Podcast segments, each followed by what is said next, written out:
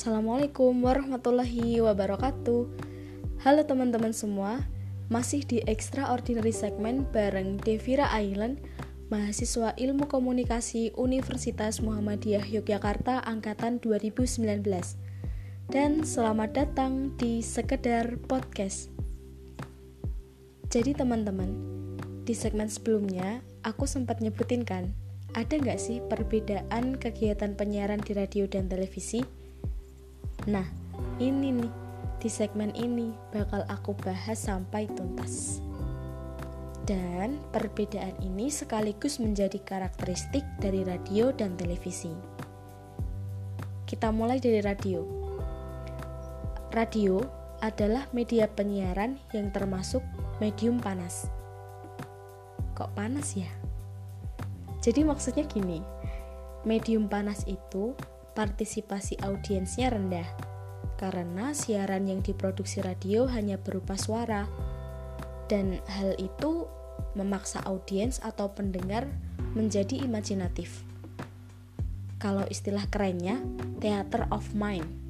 Artinya radio menciptakan gambar dalam pikiran pendengar melalui kekuatan kata dan suara.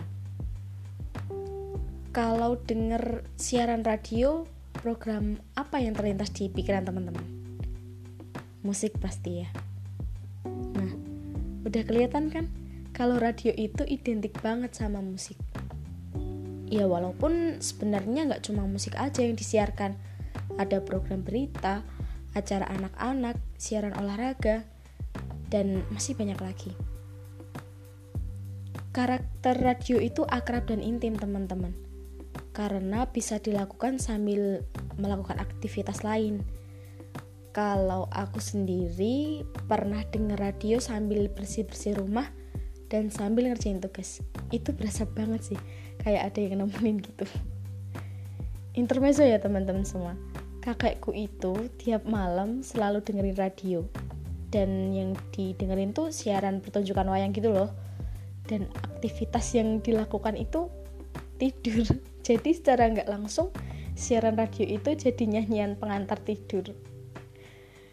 Oh iya karena siaran radio itu hanya berupa suara dan pasti juga ada jadwal uh, program siarannya kita sebagai pendengar nggak bisa nih buat minta penyiar atau komunikator untuk mengulangi lagi informasi yang disampaikan kecuali kita sudah merekamnya. Next kita kulik karakteristik dari televisi. Kalau radio tadi medium panas, televisi termasuk medium dingin karena e, partisipasi dari audiens itu tinggi.